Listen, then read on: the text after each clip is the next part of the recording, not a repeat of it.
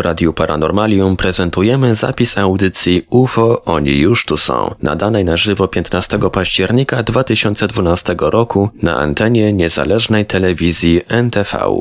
Gośćmi Janusza Zagórskiego byli Michał Kuśnierz i Piotr Cielebiaś z portalu Infra, którzy omówili najciekawsze przypadki spotkań z UFO w Polsce. Zapis wideo tej audycji znajdziecie Państwo na stronie www.niezależnatelewizja.pl.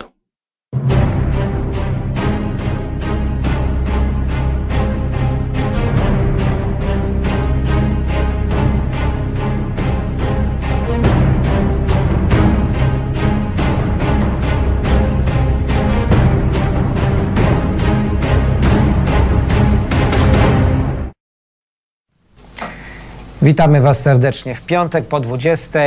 Jak zawsze piątkowe spotkania mm, cieszą się dużym zainteresowaniem e, i dzisiaj mam też przyjemność, bo po raz pierwszy akurat w NTV e, właśnie w takiej roli e, gościmy kolegów z organizacji ufologicznej, badawczej, właśnie szerzej, bo to Infra jest organizacją badającą różne fenomeny niewyjaśnione. Z nami jest Michał Kuśnierz i Piotr Cierebiaś. Witamy panowie, witamy Was serdecznie.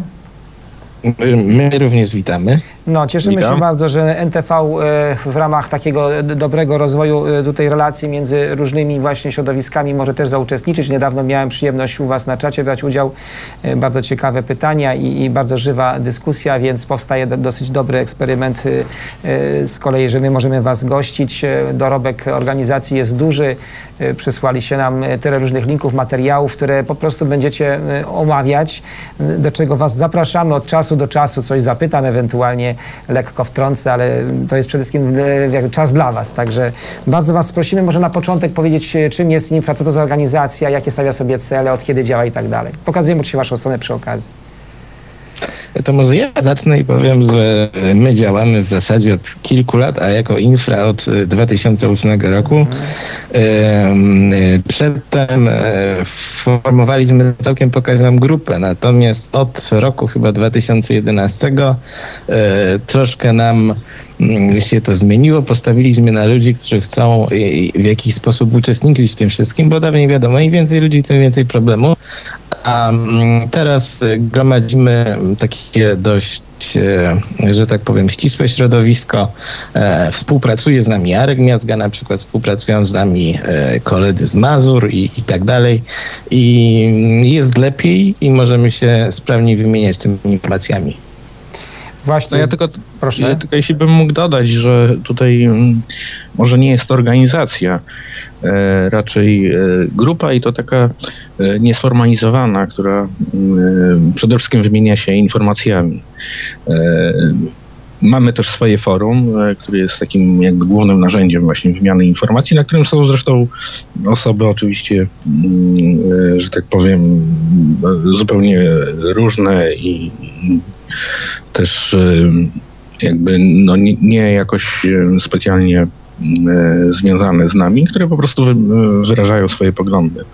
Natomiast my staramy się, mm, że tak powiem, mm, prowadzić portal e, informacyjny.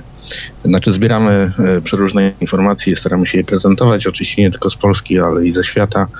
E, I Tutaj warto dodać może, że mm, od y, bodajże dwóch, czy Piotrze nie pamiętam, czy trzech lat prowadzimy taką tabelę obserwacji UFO, y, której prezentujemy mm, y, zgłoszenia, które nadchodzą właśnie nie tylko do nas, ale też i y, do innych osób, czy też grup. Y, Jeśli chodzi właśnie o obserwacje i staramy się to jakoś systematy- systematyzować i to y, można znaleźć na naszej stronie e, właśnie w, mm, szukając e, właśnie informacji o zjawisku UFO. To jest taka trochę praca, która została na wiele lat e, przerwana w środowisku ufologicznym, prowadzona kiedyś głównie przez Bronka Rzepeckiego, no oczywiście też i Roberta Leśniakiewicza i całą tą grupę jeszcze, która robiła to aktywnie, głównie w latach jednak PRL-u, potem to wszystko zaczęło się już już sypać i, i teraz widzę, że próbujecie tą systematyzację taką e, no, robić, ale niewątpliwie to jest trudne, bo to jest kwestia, ile osób w Polsce, tak przynajmniej zapytam, bo problem, który wszyscy w środowisku ufologicznym mieliśmy prawie zawsze, albo przynajmniej od kiedy już ta wolność mediów się rozprzestrzeniła bardziej, mianowicie, że ludziom, którzy coś widzieli, łatwiej jest zawiadomić i dotrzeć do jakichś lokalnych mediów, czy nawet centralnych mediów, bo je e, kojarzą w pierwszej kolejności, a w drugiej dopiero zastanawiają się, czy jest jakaś organizacja ufologiczna i szukają, muszą googlować, więc y, odczuwacie, że tak powiem, że tutaj jakby część tych informacji o zdarzeniach y, pochodzi y, nie od razu, że ktoś wam zgłosił bezpośrednio do was, tylko na przykład gdzieś tam był medialny jakiś efekt i no i po prostu wy, że się za, za, i tropiąc jakby medialne doniesienia docierali do sprawy. Raczej nie. Tak? To znaczy, my, ma, my jesteśmy akurat tak na, na bakier z mediami. To znaczy, nie kontaktujemy się z mediami yy, z wielu powodów. Yy, głównie z jakichś tam yy, głów, yy, z doświadczeń po prostu. Nie będę ukrywał, że parę razy nas tam TVN próbował namówić na to, żeby sprzedać im jakiś przypadek. No niestety, no nie da się, tak i tyle. Yy, Ale co jakiś czas próbują nas tutaj podgryzać różne, różne media. Jeżeli chodzi o odpowiedź, szczerze mówiąc, w prasie lokalnej tych informacji o UFO jest coraz mniej. Mm, e, Ludzie rzeczywiście zgłaszają tam niektóre rzeczy, ale mm, nie oszukujmy się, że w ciągu ostatnich 3-4 lat to najwięcej jest relacji o tak zwanych latających e, pomarańczowych kuleczkach, e, czyli chińskich lampionach. Mm, Ale jeżeli chodzi o jeżeli chodzi o media, to można zaobserwować coś takiego, że e, w, no, odkąd robimy tam tabelkę, bo ta tabelka jest robiona od 2010 roku, a my mamy jeszcze materiały z kilku lat wstecz, to od tego czasu się pojawia coraz mniej e, wiadomości o UFO, nawet e, w jakichś tam serwisach informacyjnych. Ja pamiętam jeszcze przecież, e, że dało się czasami napotkać gdzieś tam na em, telewizji regionalnej, czy tam gdzieś tam w jakimś teleekspresie na, na, na krótkie e, filmiki, na relacje. Teraz ludzie chyba przestali to nadsyłać, albo po, albo po prostu oni mm, no, w swojej polityce informacyjnej zrezygnowali z UFA. Co Znaczy jeszcze, jeszcze proszę, jest proszę. Kwestia tego, że y, jakby ludzie y, często, no można to zauważyć, że nawet nie szukają, y, że tak powiem, medium jakiegoś takiego szerszego w sensie oficjalnego do prezentacji tam jakichś materiałów, tylko po prostu od razu wrzucają coś na YouTube na przykład e, i oczekują tam jakichś komentarzy i tym podobnych e, rzeczy. Natomiast tutaj e, jedną e, ciekawą rzecz powiem, że oczywiście my e, najczęściej dostajemy bezpośrednio materiały albo właśnie od zaprzyjaźnionych osób, które zajmują się tematyką, jak na przykład Arek Miazga, ale bardzo często są to materiały, e, które dotyczą i właśnie może będziemy mieli szansę dzisiaj o tym powiedzieć, zdarzeń, które miały miejsce wiele lat wcześniej.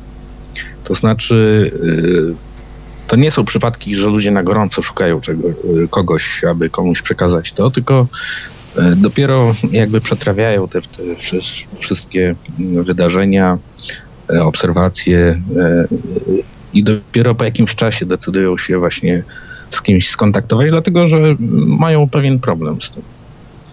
Dokładnie. Ja jeszcze może, ja jeszcze może dodam, że e, ludzie jednak troszkę przestali ufać e, mediom i reporterom, dlatego że kiedy jeszcze kilkanaście lat temu, może 10 lat temu jeszcze istniała ta etyka dziennikarska była zupełnie inna, tak teraz e, mówiąc o UFO komuś, jakiemuś dziennikarzowi, możemy narazić się na to, że on potem w, w, w swojej gazecie, w swojej stacji no, przedstawi nas jako kompletnego wariata i, i myślę, że wiele ludzi o tym dobrze wie.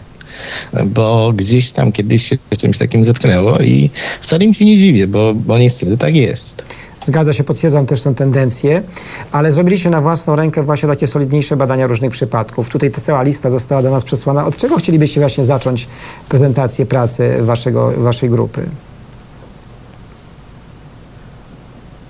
No, na pewno takim przypadkiem, który już od y, właśnie kilku lat, y, że tak powiem, sygnalizujemy, że coś się dzieje, to jest Góra Osona. Orson. E, Piotrze, może ty byś powiedział y, bliżej o co chodzi. To, Tak, ja tutaj jako lokalny patriota powiem, że Góra Osona znajduje się w Częstochowie, w granicach miasta Częstochowy. Właściwie jeszcze jest to takie mm, e, miejsce, warto na, na pewno odwiedzić. Ale jeżeli pan Janusz by miał kiedyś chęć, to może zaprosić Grzegorza Tarczyńskiego i on tutaj rozwinie nam to wszystko, e, jak to było i sam opowie, co tam doświadczył. Ale e, tutaj zmierzając do sedna, e, Góra Osona jest to takie miejsce, w którym dochodzi do e, e, dochodzi do regularnych. Nie mogę powiedzieć, że dochodzi do regularnych, natomiast dochodzi do dość częstych spotkań z UFO. Tylko trzeba zaznaczyć, że Góra Osona jest jakby centrum tego, tego całego obszaru. On jest dość duży i to są, to są obrzeża Częstochowy, tam w 2002 roku ów Grzegorz Tarczyński w towarzystwie kilku innych osób, w tym swojego brata ojca, e, widział bardzo dziwne zjawisko. Mm, Ono mm, polegało na tym, że nie będę tutaj przytaczał całej historii, bo naprawdę jest długa. Chodziło o to, że e, najpierw dwaj panowie, którzy pracowali tam w e, zakładzie, który się mieści niedaleko góry, e, zauważyli dziwne światła nad lasem. No i e, jednym z tych ludzi był brat Grzegorza.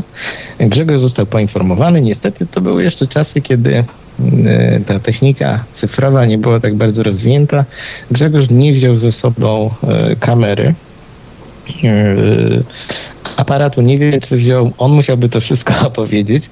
Natomiast chodzi o to, że oni zobaczyli, że tam sobie tańcuje jakaś kuleczka pod lasem. No i z tej kuleczki e, gdzieś tam po godzinie się wyłoniła druga. One wykonywały takie dziwne akrobacje.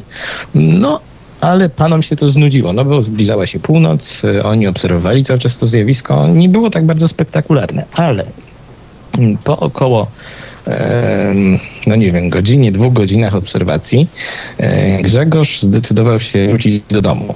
Mm, To jest naprawdę prosta droga od Góry Osona do Częstochowy, e, do tego, że biegnie nad ogrodzeniem Huty Częstochowa i kiedy Grzegorz przejeżdżał e, tą drogą, e, nagle wpadł na taki dziwny pomysł. Tam od tej głównej drogi asfaltowej odchodzi kilka takich mniejszych dróg polnych. I postanowił tym swoim Matizem bodajże, tak, wjechać w jedną, w, w jedną z tych dróg i e, że tak powiem, dać sygnał temu obiektowi. Po prostu mm, jakąś tam sekwencją świateł e, długich. E, No i kiedy wjechał w tą dróżkę e, i to uczynił, okazało się, że ten obiekt zaczął się zbliżać. Wtedy był już to jednolity obiekt, jednolita kula pomarańczowa, ten obiekt się zbliżał, no i w pewnym momencie zawisł po prostu nad ich samochodem na bardzo niedużej wysokości. E, To zdarzenie miało miejsce tuż przy drodze. Mm, Z tego co wiemy, bo to było też 10 lat temu, e, po tej drodze poruszały się inne samochody. Wiemy, że mogli być inni świadkowie, e, no ale e, to jest taki najbardziej sztandarowy przypadek tego, co się działo na Górze Osonna. Dostaliśmy wiele dziwnych relacji z Góry Osonna. Ludzie tam jeździli e, poszukiwać tego UFO, e, e, organizowali same jakieś tam nocne czuwania. E, oczywiście część tego, co zostało dostarczone z tych, z tych posiedzeń, e, no to oczywiście były jakieś zjawiska naturalne, czy, e, czy po prostu obserwacje samolotów, ale było też kilka przypadków, które były godne uwagi. I tutaj na naszej stronie mm, infra.org.pl, kiedy ktoś chciałby e, sobie sprawdzić, jest artykuł o Górze Osona, właściwie przygotowany na dziesiątą rocznicę e, e, zdarzeń na Górze Osona, gdzie opisujemy e, incydenty, które miały miejsce od tamtego czasu. I na przykład, co nam się udało odkryć, że w pobliżu Góry Osona przez no, co najmniej kilkadziesiąt lat grasowały tak, takie małe, świetliste punkty. Jest bardzo dużo opowieści głównie, głównie ludowych. No, nie nazwałbym ich ludowymi, bo one pochodzą od żyjących świadków, ale one były mocno osadzone jeszcze w, tej, w tym takim myśleniu że tak powiem, folklorystycznym. Ludzie uważali, że, to są jakieś pokutujące dusze. Natomiast trafiliśmy na bardzo ciekawy przypadek e, kobiety, która idąc po wodę, e, po prostu zetknęła się prawie oko w oko z taką ogromną, świecącą kulą. I to też było bardzo ciekawe. E, Potem bodajże miesiąc po doświadczeniu Grzegorza, czyli jeszcze latem roku 2002, e, pewien pan z dzielnicy Raków no mający trochę daleko do tej góry Osona, ale mieszkający, że tak powiem, vis-a-vis to znaczy on ją widział po prostu ze swojego balkonu, obserwował dziwny obiekt, który nadleciał właśnie gdzieś z tamtej strony i zatrzymał się po prostu nad miejscową szkołą. I ten pan się wystraszył, gdy zobaczył, że ten obiekt nie przypomina niczego, niczego ziemskiego. Ale jak mówiłem, gdybyśmy chcieli tutaj mówić o górze Osona, to by nam zajęło bardzo długo i jeżeli mogę coś zaproponować, to na jakąś bliższą czy dalszą przyszłość można by zaprosić e, do audycji Grzegorza, on by tutaj opowiedział mhm. o wszystkim e, ze szczegółami. A tutaj jeszcze czekają nas historie y, Nol nad y, Bumerang nad Sandomierzem, ta warszawska jeszcze sprawa, także jest dzisiaj jeszcze do opowiedzenia. Zachęciliście nas tą historią. Rzeczywiście sprawa Góry Orsona tu wracała y, często w środowisku ufologicznym i jest, jest temat, jak kiedyś słynne wylatowo, tak tutaj to też dźwięczy.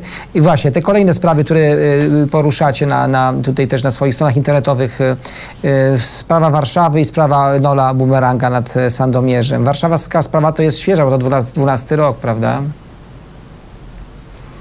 No właściwie to są cztery sprawy. Ja no tutaj oddam, oddam głos Michałowi, bo on się tym zajmował. To są cztery zdjęcia wykonane przez cztery różne osoby, z czego e, dwa są bardzo ciekawe. E, tak, no właśnie e, to też jest taki mm, ciekawy przykład na to, e, w jaki sposób, znaczy jakie, jakiego rodzaju informacje i materiały do nas spływają.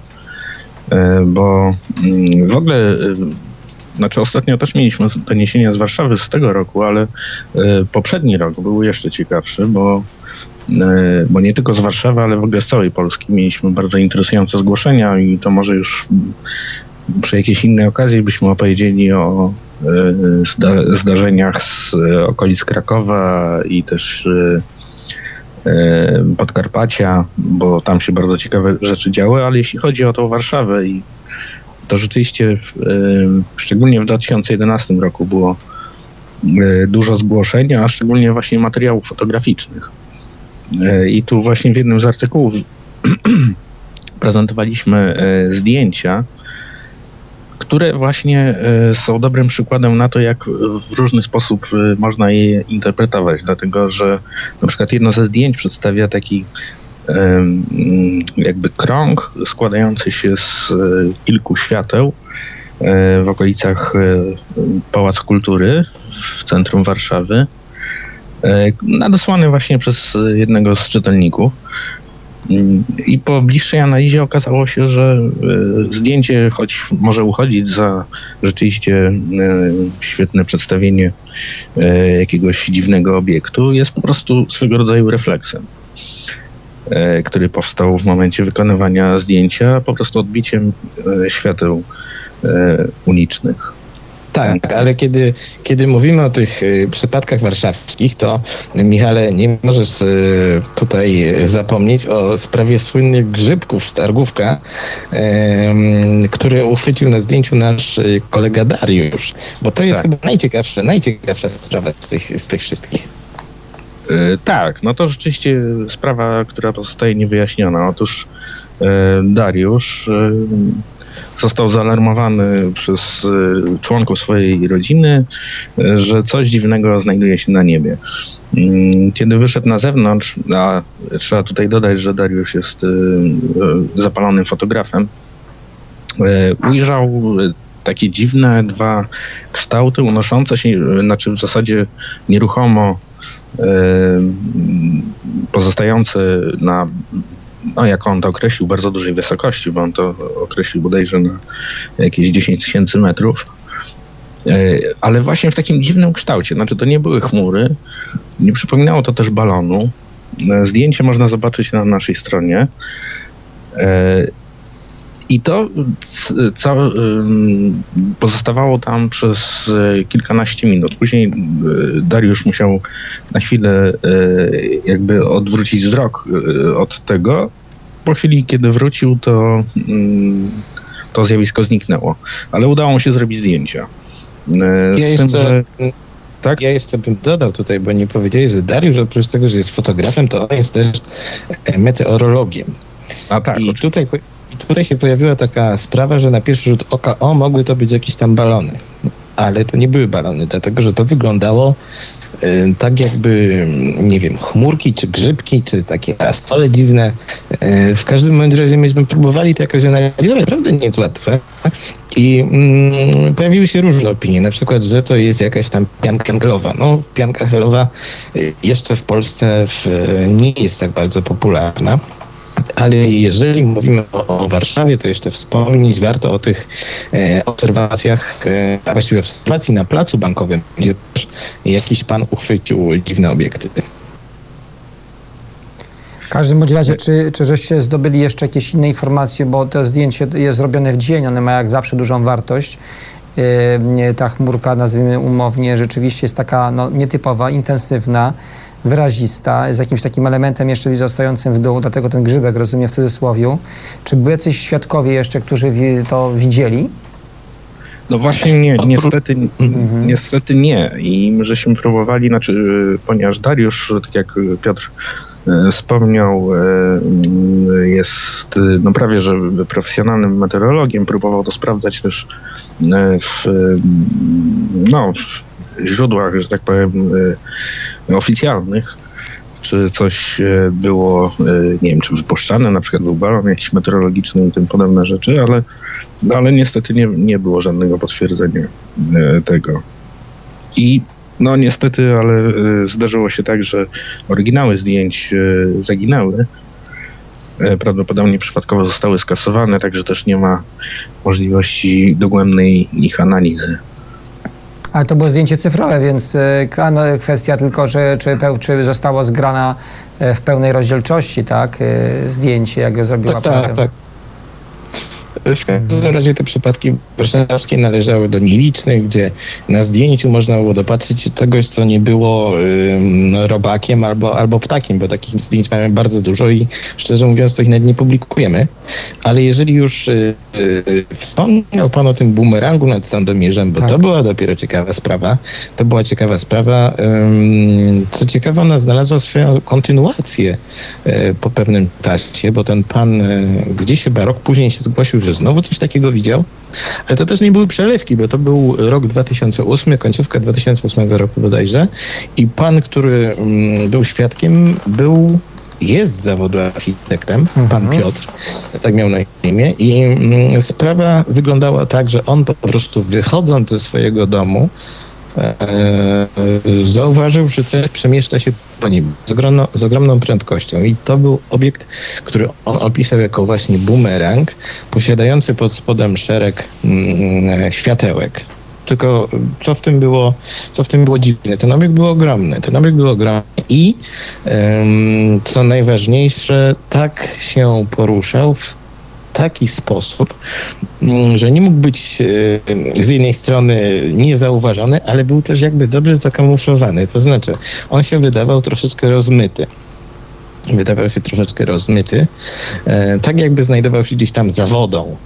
Natomiast poruszał się tak, e, e, że tak powiem, autentycznie, że ten pan uznał, że to nie może być żadne, żadne przewidzenie. I pamiętam, że on potem widział to po raz kolejny. Ale mm, żeby było ciekawiej, i tutaj Michał może o tym opowie, e, w tamtym roku zgłosiła się do nas pewna pani z Arhus, Polka mieszkająca w Danii, e, która twierdziła, że widziała w tym samym okresie, mniej więcej bodajże, coś identycznego właśnie w Danii. Y, Rozumiem, że to na stronie internetowej takie zdjęcie na ciemnym tle, bo to jest taka, taki właśnie jakby bumerang czy banan, to jest właśnie taka y, rekonstrukcja, czy to jest... y, A tak, to jest rekonstrukcja. Tak. Nie, nie, nie, to nie jest prawdziwe zdjęcie. To jest rekonstrukcja. Po prostu to się poruszało tak szybko, że, że ten pan nie mógł, e, nie mógł w ogóle zareagować. To, Tak, nie było możliwości. Mhm. zobaczył to kątem oka i, i, i potem.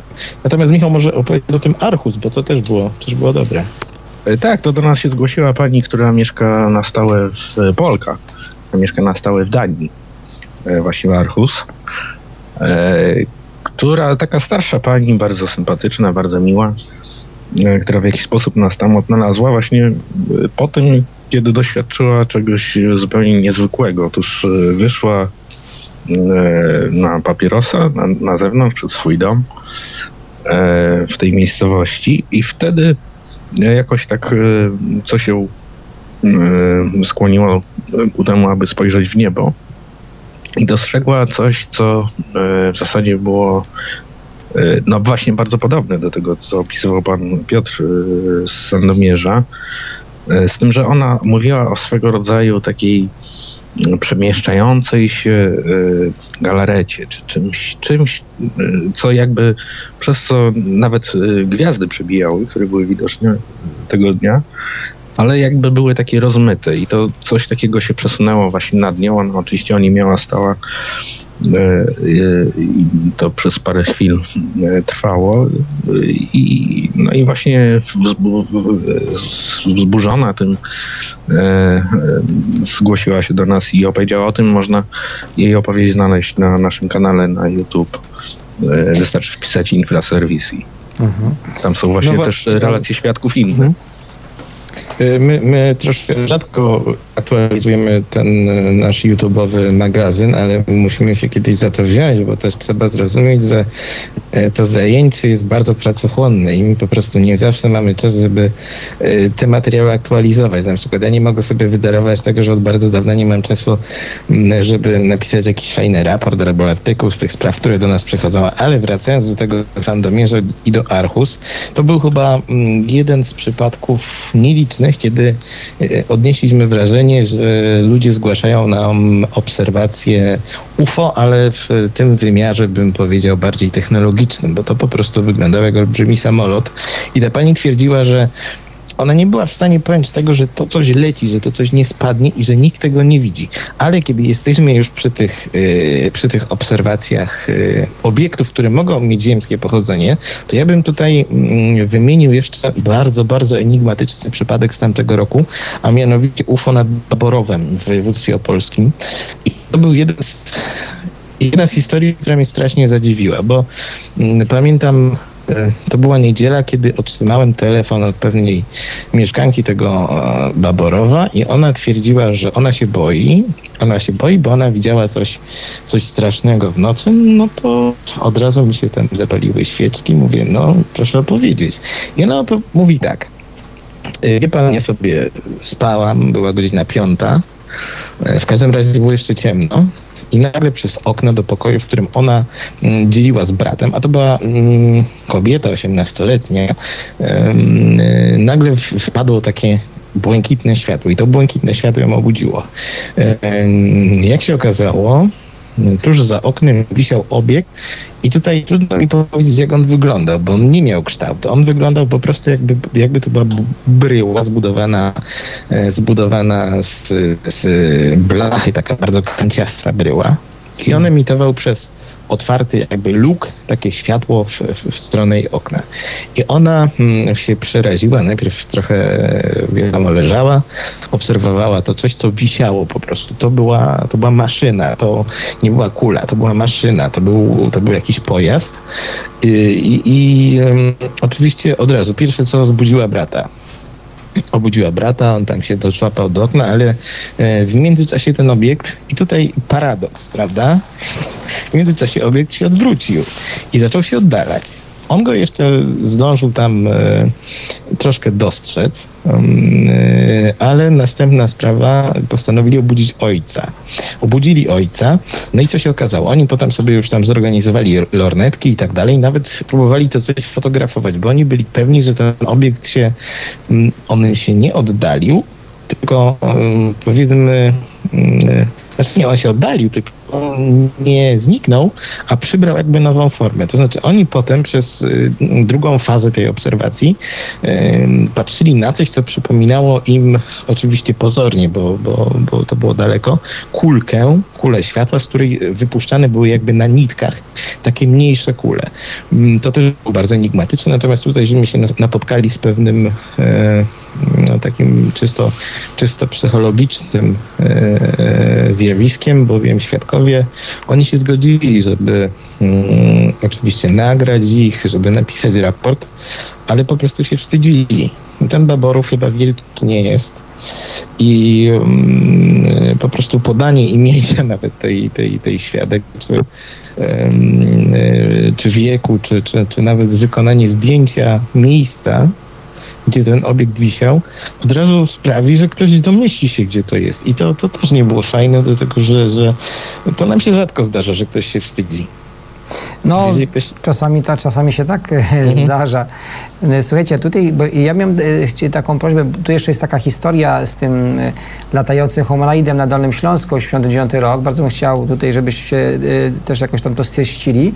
A potem chciałbym, żebyśmy troszkę porozmawiali o pewnych refleksjach związanych z, ze zdobywaniem informacji właśnie na temat UFO, bo niewątpliwie wiele osób w Polsce, ale też na świecie ma jakby już taką podstawową wiedzę, że tak, że są takie przypadki niezwykłe, nadzwyczajne, że oni tu już są i prawda, i jakby nawet się już nie nie, nie musimy ich przekonywać, że, że to jest. Oczywiście jest cała masa ludzi nieprzekonanych, dla których właśnie takie empiryczne dowody na to, że coś dziwnego się zdarzyło, są nie, bardzo, bardzo potrzebne. Więc jeżeli można prosić właśnie jeszcze o informację o tym e, incydencie Dolny Śląsk, co udało się ustalić w 89 roku, 69, przepraszam, ten incydent, jak -hmm. widzę, się podali. A potem chciałbym właśnie kilka zdań refleksji e, szerszych jeszcze o was o to zapytać. To może Michał zacznie, bo to była taka sprawa, która, która e, to, to znaczy, taka... ja może o, ogólnie no. powiem, tylko, bo y, niektóre, znaczy jak pan, panie Januszu wspomniał na początku, y, że tak powiem, my nie tylko się zajmujemy stricte UFO tak. i tutaj y, zajmujemy się różnymi relacjami. Rzeczywiście mamy ich dosyć dużo które, no, e, że tak powiem, na siłę można podciągnąć, że to e, może UFO, a może i nie. E, I tutaj szczególnym właśnie tematem nas interesującym są właśnie między innymi tak zwane latające humanoidy. To określenie, się wzięło z, od meksykańskich badaczy, którzy E, swego czasu publikowali różne filmy, na których widać jakieś poruszające się takie postaci w powietrzu i tak dalej, ale się okazało, że w Polsce e, takich historii też nie brakuje i my staramy się je zbierać. I czy można e, je też, że tak powiem, ciągać pod UFO? No być może, bo UFO jest takim zjawiskiem, które jest no strasznie rozciągliwe, że tak powiem. Tak, tak, tak bardzo. I tu i tu też jest y, jakby temat do refleksji w zasadzie z czym mamy do czynienia, ale tym niemniej no, y, tego typu zdarzenia mają miejsce. Y, I właśnie to, co miało miejsce na Dolnym Śląsku, a jeszcze parę innych było takich przypadków, o tym świadczą. Ale to Piotr no dokładnie powiesz mhm. bo y, tutaj y, zapytałem Michała, dlatego że ta nasza przygoda z latającymi humanoidami, ona się zaczęła od tego, że Michał kiedyś otrzymał raport z Koniewa. I tam miało miejsce wydarzenie, no powiedziałbym jeszcze dziwniejsze, również latający humanoid, o tym może powiemy tam kiedyś. Ale jeżeli chodzi o tego humanoida z Dolnego Śląska, miało to miejsce w roku 69 i obejmowało w sumie bodajże pięć osób. Pięć osób, w tym trzy żyją. Jedna jest w stanie, że tak powiem, niezdolnym do tego, żeby relacjonować. Druga niewiele pamięta, albo nie chce pamiętać, a trzecią jest pan Marian. Pan Marian pamięta wszystko. Najlepiej i pan Marian chce o tym mówić.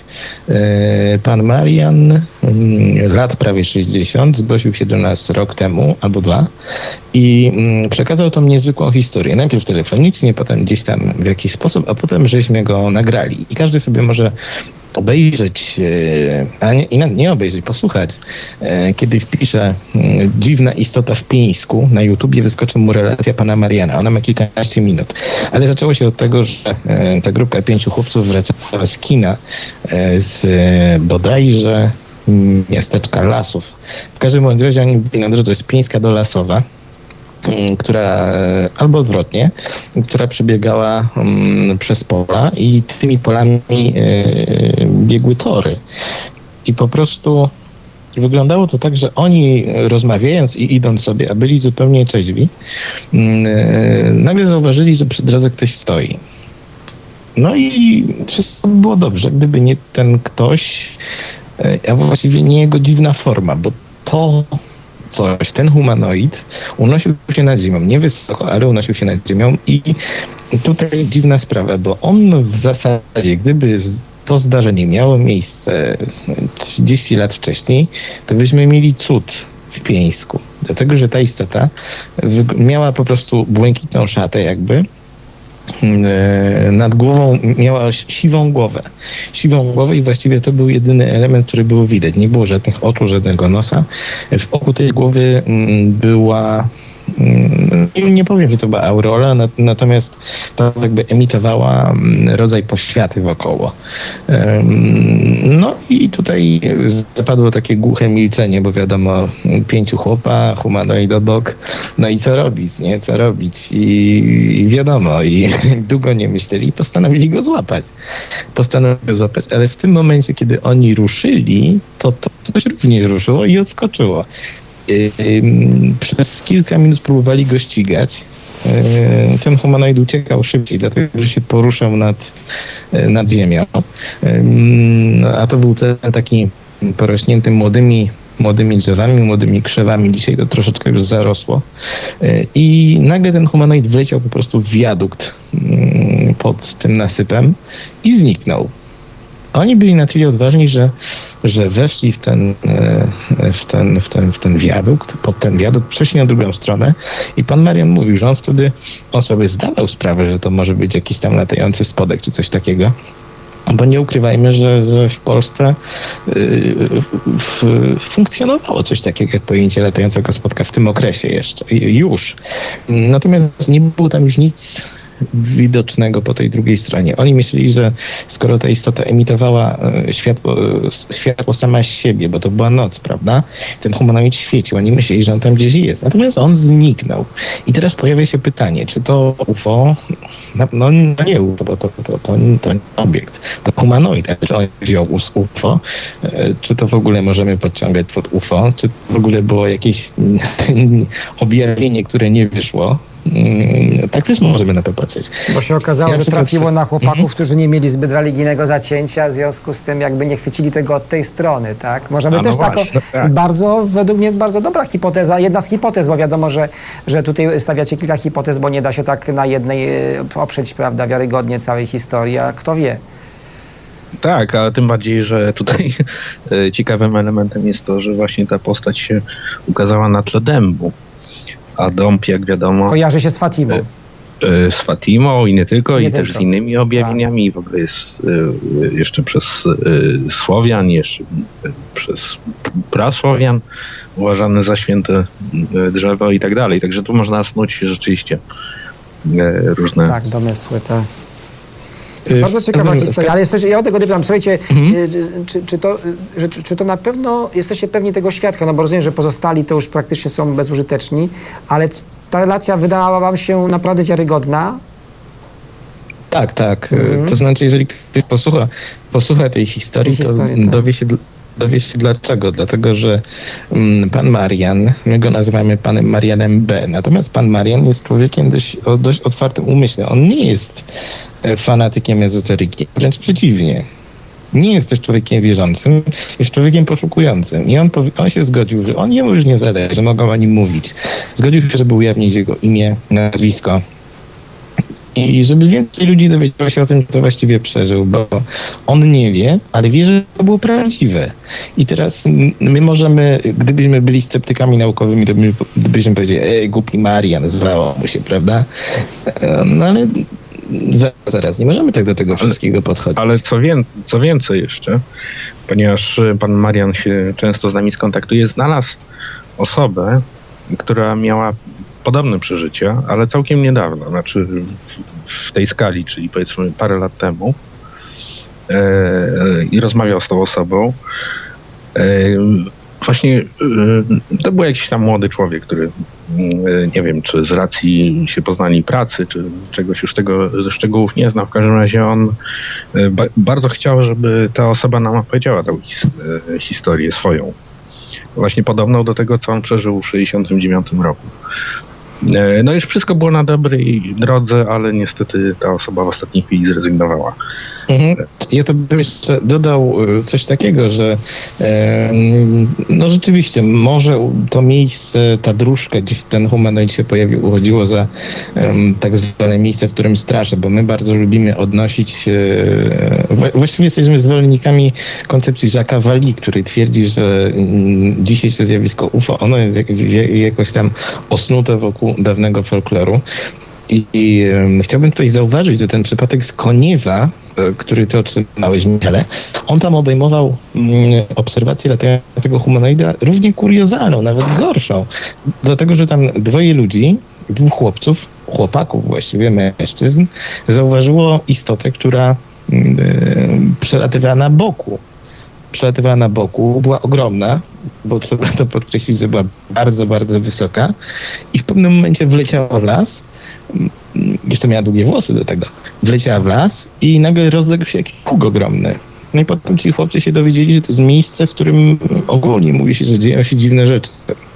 Dlatego, czy my e, w wielu przypadkach rzeczywiście możemy mówić, że to jest e, już UFO, że już działają tutaj jakieś siły nadprzyrodzone, czy to jest jeszcze coś bardziej tajemniczego. I mi jest tego zdania, że to jednak jest coś bardziej tajemniczego i to jest fascynujące, ale też z drugiej strony nie napawa optymizmem, dlatego że e, nasze zdolności poznawcze się wydają coraz, coraz mniejsze.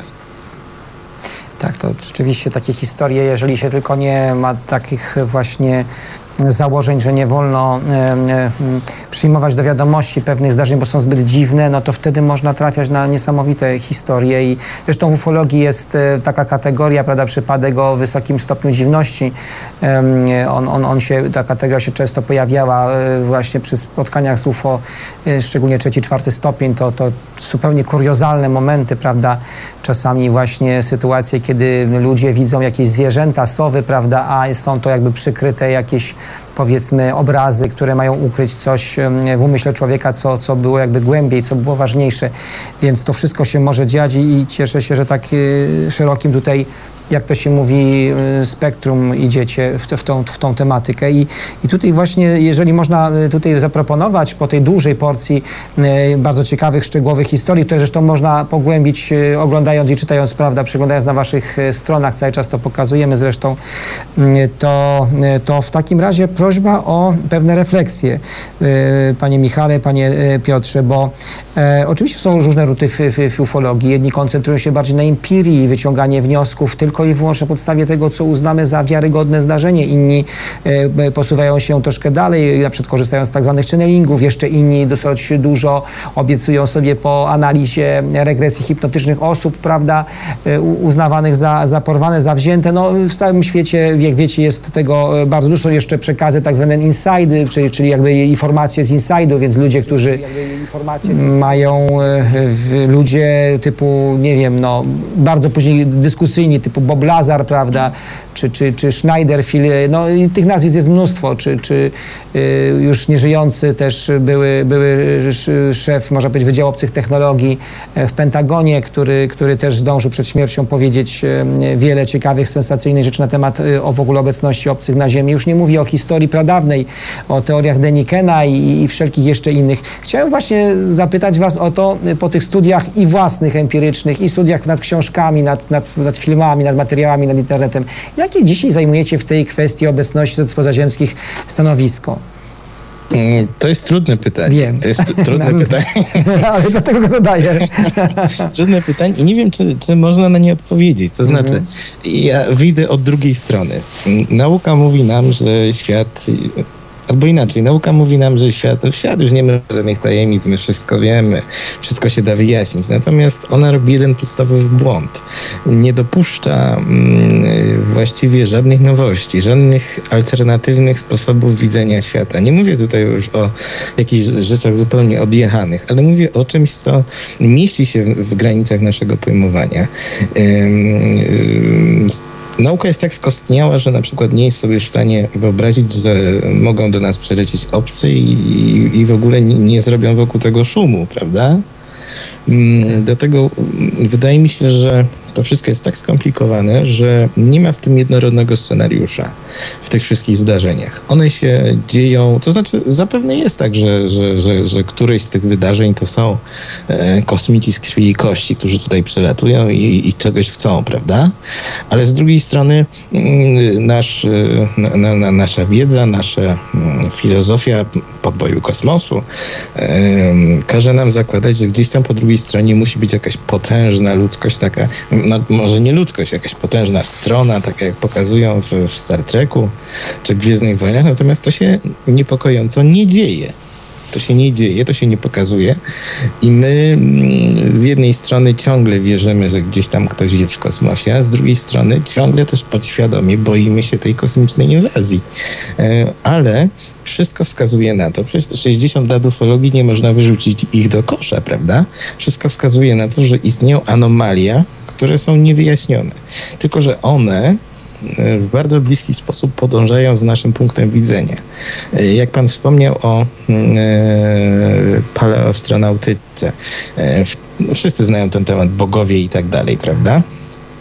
Od w późniejszym okresie, w XIX wieku, pojawiają się relacje bardzo mało znane o powietrznych statkach, łodziach i tak dalej. XX wiek przynosi latające spotki, E, natomiast im, im bliżej XXI e, wieku, tym się to bardziej zmienia. E, pojawiają się jakieś nowe formy tych obiektów, pojawiają się nowe koncepcje, że to jakieś istoty międzywymiarowe i tak jakby to coś to zjawisko podąża za naszym myśleniem. Tylko, że sceptycy mogli powiedzieć, a to jest jakiś tam fenomen społeczny. Tak, tylko, że dlaczego to coś pozostawia ślady, prawda? I to materialne ślady. I, i, i tu jest więcej pytań niż odpowiedzi. Myślę, że Michał też może dorzucić swoje ciekawe trzy grosze. Bardzo prosimy, Panie Michale. No tutaj e, Piotr w zasadzie podsumował wszystko bardzo dobrze w taki sposób, jak, jak ja do tego podchodzę. Tutaj bym tylko dodał jeszcze mm, to, że mm, właśnie tak jak pan, panie Januszu wspomniał o, o Bobie Lazarze i tam tych wszystkich e, mm, sprawach związanych z wojskiem i tak dalej, e, że oni bardzo dobrze to wykorzystują, szczególnie na zachodzie, bo u nas to wydaje mi się, że, że niezbyt. E, ale właśnie tam e, jakby ten mit UFO jest e, przez wojsko szczególnie dobrze wykorzystywany w swoich celach. Aczkolwiek myślę, że oni kompletnie też tak samo jak i my teraz możemy powiedzieć, że tak naprawdę nie wiemy co to jest, to tak samo i być może oni nie wiedzą.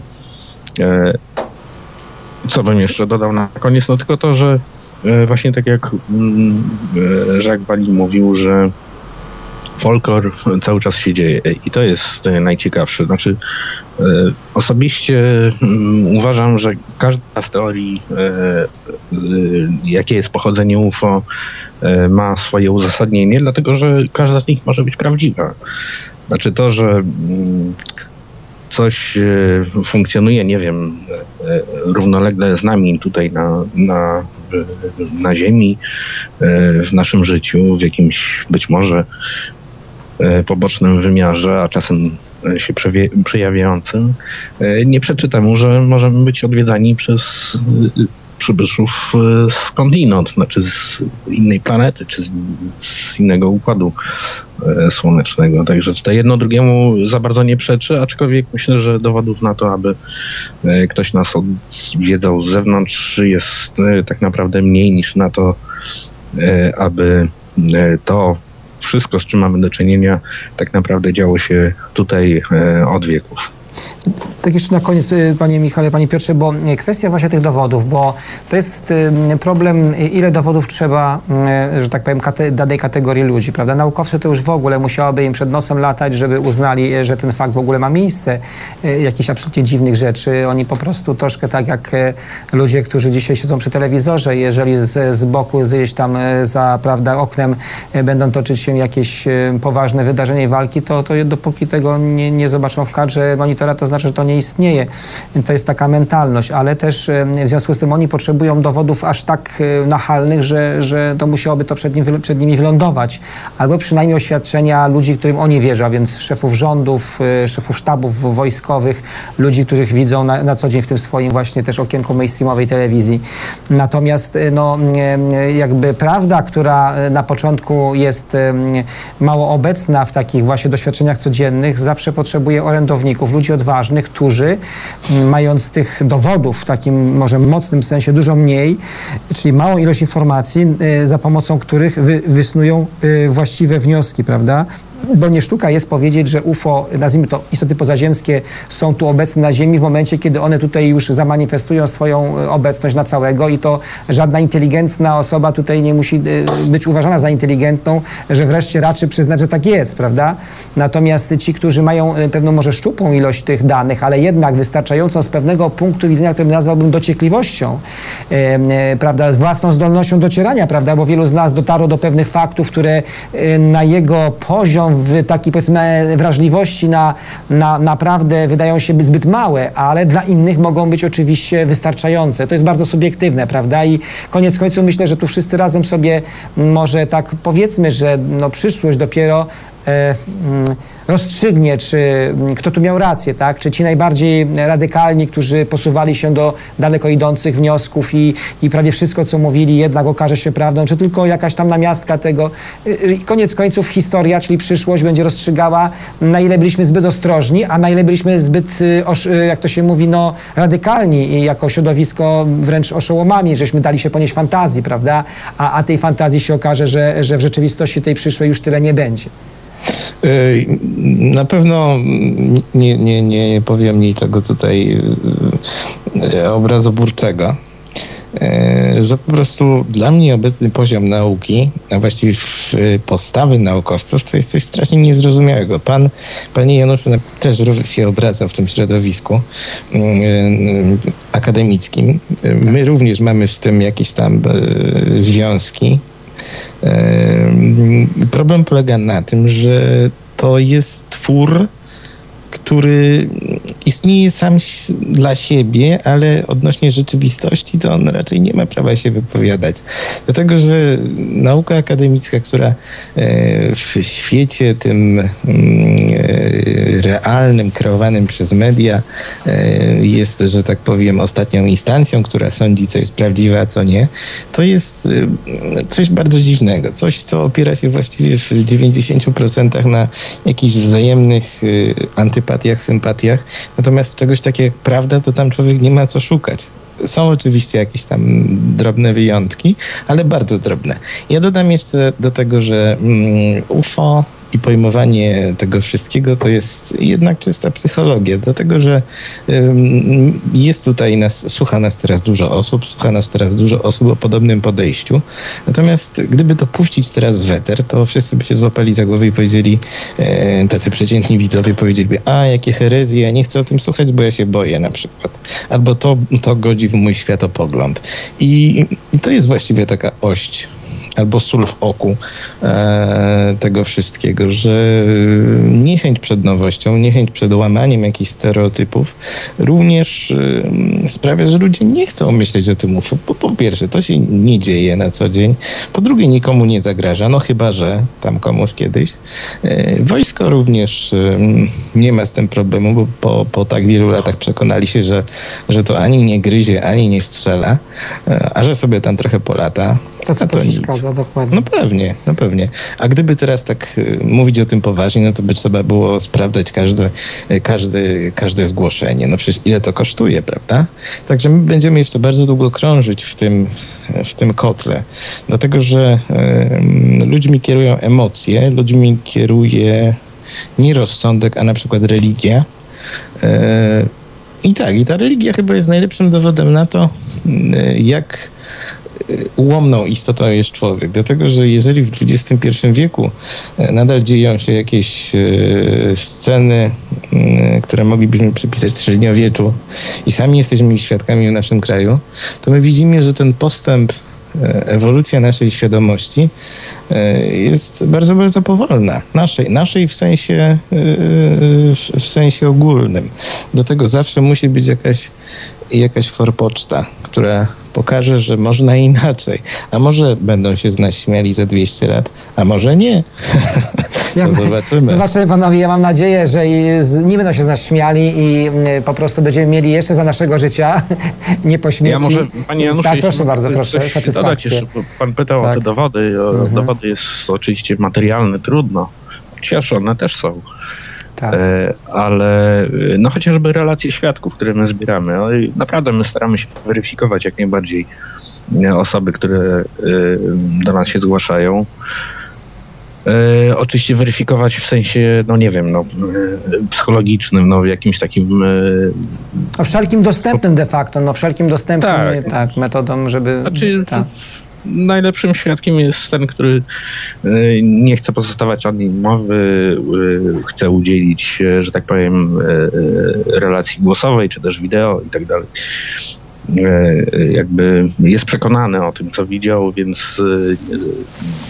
są, są takie osoby, które nie obawiają się e, właśnie jakiegoś tam ostracyzmu e, swojej społeczności z powodu tego, co powiedziały, ale e, na koniec może bym tylko powiedział, odnosząc się do tego, co Piotr mówił o tych też aspektach religijnych.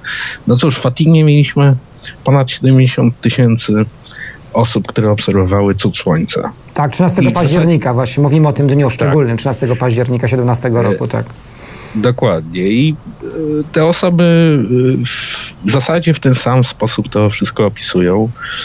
E, nawet istnieje kilka fotografii, chociaż są one bardzo słabej jakości, ale, ale są, w każdym razie. tak. Tak, ale jak się do tego odnosi nauka? No, nauka to porzuciła, dlatego że to porzuciła na rzecz, że tak powiem, tej domeny już religijno-kościelnej i tak dalej. No i to jest właśnie odpowiedź, że tak powiem. Tak, nie, to zgadza się, to jest takie sedno sprawy. Panowie, widzicie jak nam poszło, nawet godzina praktycznie stuknęła. Bardzo e, chcemy wam podziękować za, za, za ciekawą naprawdę rozmowę i na koniec te refleksje. Szczerze życzymy wam e, sukcesów w dalszej działalności pracy. Myślę, że ta współpraca też między nami będzie się pogłębiać. Tu swego czasu rozmawiając z kolegą e, właśnie waszym, który dzwonił pierwszy tam do mnie, to, to mamy tutaj jakby możliwość e, może zainicjowania w środowisku ufologicznym w przyszłym roku coś w rodzaju okrągłego stołu, bo forum UFO na razie ja, e, jak się już nie zacznie nic na szczególnego dziać, na ten moment raczej chyba zawieszam, e, bo tutaj się jakościowo nic nie dzieje, a myślę, że byłoby fajnie, gdyby to rozproszone dzisiaj środowisko ufologiczne, mimo tych wszystkich różnic, mimo tych specjalizacji, różnych punktów widzenia jednak mogło się spotkać i jakby pozytywnie zarezonować, tym bardziej, że mamy tyle negatywnych zjawisk, zjawisk, które próbują niszczyć to środowisko z zewnątrz, często prowokacyjnych, więc tym, tym bardziej może, może warto. Na razie jesteśmy bardzo zadowoleni z tej rozmowy i, i myślę, że to, to się mhm. powtórzy. My, my również, ja, ja bym jeszcze chętnie kiedyś wystąpił, szczerze mówiąc, bo mamy jeszcze, mamy jeszcze dużo rzeczy do, do opowiedzenia.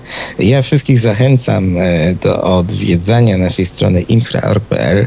Mm, tam się ukaże, ukazują różne nowości, tam można znaleźć tą tabelę z obserwacjami.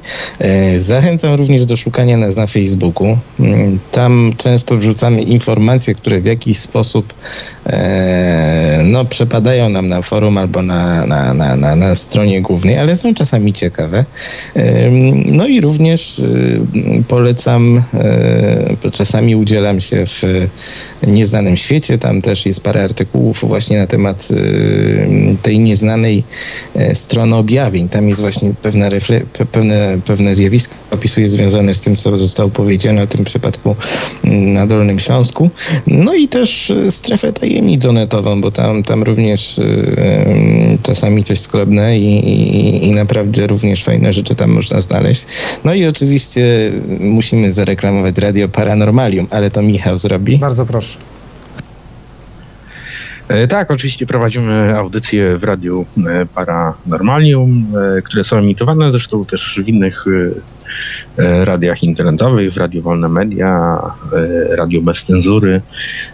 Mamy szereg różnych audycji, które można właśnie tam znaleźć, jak na przykład poltergeist, e, jak e, seans spirytystyczny, jak z Autaju widać więcej, taka też takie spojrzenie pana Wojciecha Grzelaka z, jednocześnie z Rosji na Rosję, na Autaj, na różne też dziwne rzeczy, które tam się dzieją.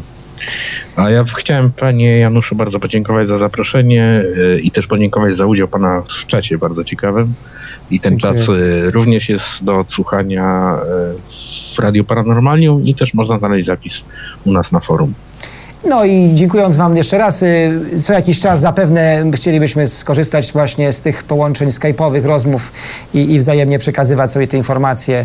Y, Także do jakiegoś nieodległego usłyszenia i zobaczenia. Wszystkiego dobrego Wam życzymy. Dobranoc. Dob- Dziękuję bardzo. Dobranoc. Dobranoc. Do usłyszenia.